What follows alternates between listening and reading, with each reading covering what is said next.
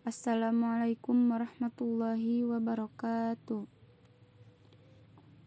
Innal hamdalillah nahmaduhu wa nasta'inuhu wa nastaghfiruhu wa na'udzu billahi min syururi anfusina wa min sayyiati a'malina may yahdillah fala mudhillalah wa may yudlil fala hadiyalah. Ashhadu an la ilaha illallah wa rasuluh.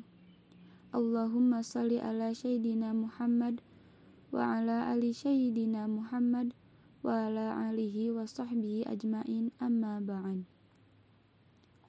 Puji syukur marilah kita panjatkan kehadirat Allah Subhanahu wa taala yang telah memberikan beribu-ribu nikmat kepada kita semua.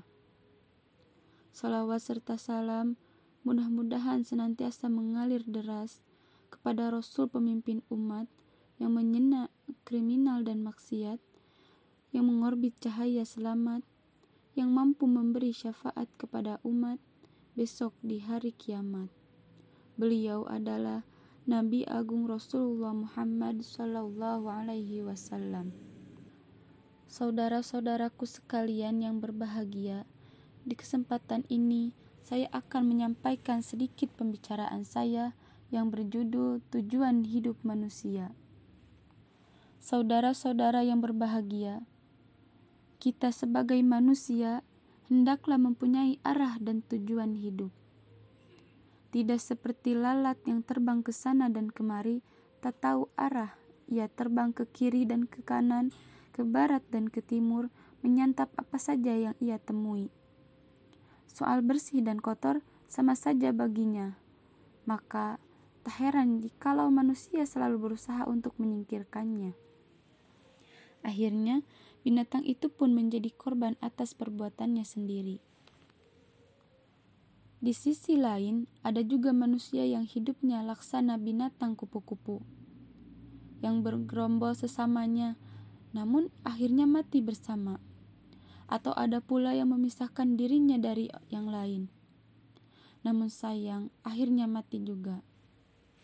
Maka, jikalau manusia tidak mempunyai arah dan tujuan hidup, niscaya hidupnya seperti lalat dan kupu-kupu tersebut.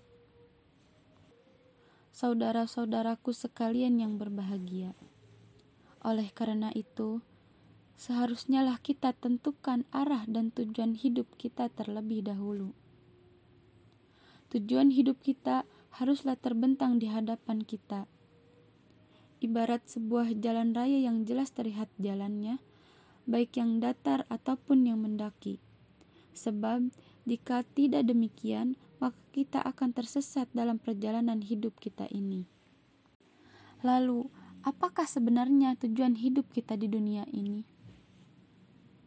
Sebagaimana firman Allah Subhanahu wa taala, yang berbunyi A'udzu billahi minasyaitonir rajim Bismillahirrahmanirrahim. Wa ma khalaqatul jinna wal insa illa liya'budun. Yang artinya dan tidaklah aku ciptakan jin dan manusia melainkan supaya mereka beribadah kepadaku. Saudara-saudaraku yang berbahagia, karena kita diciptakan di dunia ini hanyalah untuk beribadah, maka segala gerak-gerik dan tingkah laku yang kita pikirkan maupun yang kita perbuat ini hendaklah diniatkan dan didasari untuk beribadah hanyalah kepada Allah Subhanahu wa taala. Di samping kita hidup di dunia untuk beribadah, kita juga mempunyai kedudukan yang tinggi, yaitu sebagai khalifah atau pemimpin di buka bumi ini, yang mana kita akan bertindak sebagai pemimpin, sebagaimana firman-Nya dalam surat Al-Baqarah yang berbunyi, Inni ja'ilun fil ardi khalifah, yang artinya, sesungguhnya aku hendak menjadikan khalifah di muka bumi ini.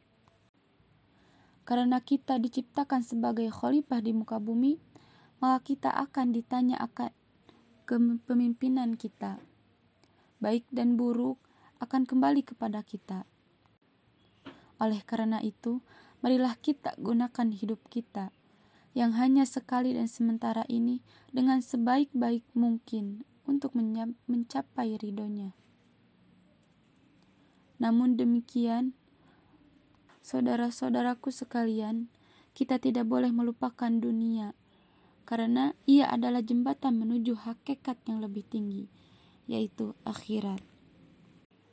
Oleh karena itu, ambillah dunia untuk akhirat dan janganlah kamu mengambil dunia untuk dunia saja. Niscaya kamu akan binasa kelak. Jadikanlah dunia yang dunia ini sebagai tempat untuk bercocok tanam. Dengan bekal sebanyak-banyaknya, karena kita akan mengadakan suatu perjalanan yang amat sangat jauh sekali dan tidak akan pulang lagi maka marilah kita pikirkan dan renungkan baik-baik akan hidup kita yang hanya sementara ini. Apakah yang telah kita perbuat selama ini? Dan cukupkah bekal yang akan kita bawa untuk menuju akhirat kelak? Dalam perenungan ini, semoga kita mendapatkan hal yang terbaik yang kita inginkan, dan akhirnya kita meraih masa depan akhirat. Sekian yang dapat saya sampaikan. Kurang dan lebihnya saya mohon maaf yang sebesar-besarnya. Wabillahi taufiq wal hidayah. Wassalamualaikum warahmatullahi wabarakatuh.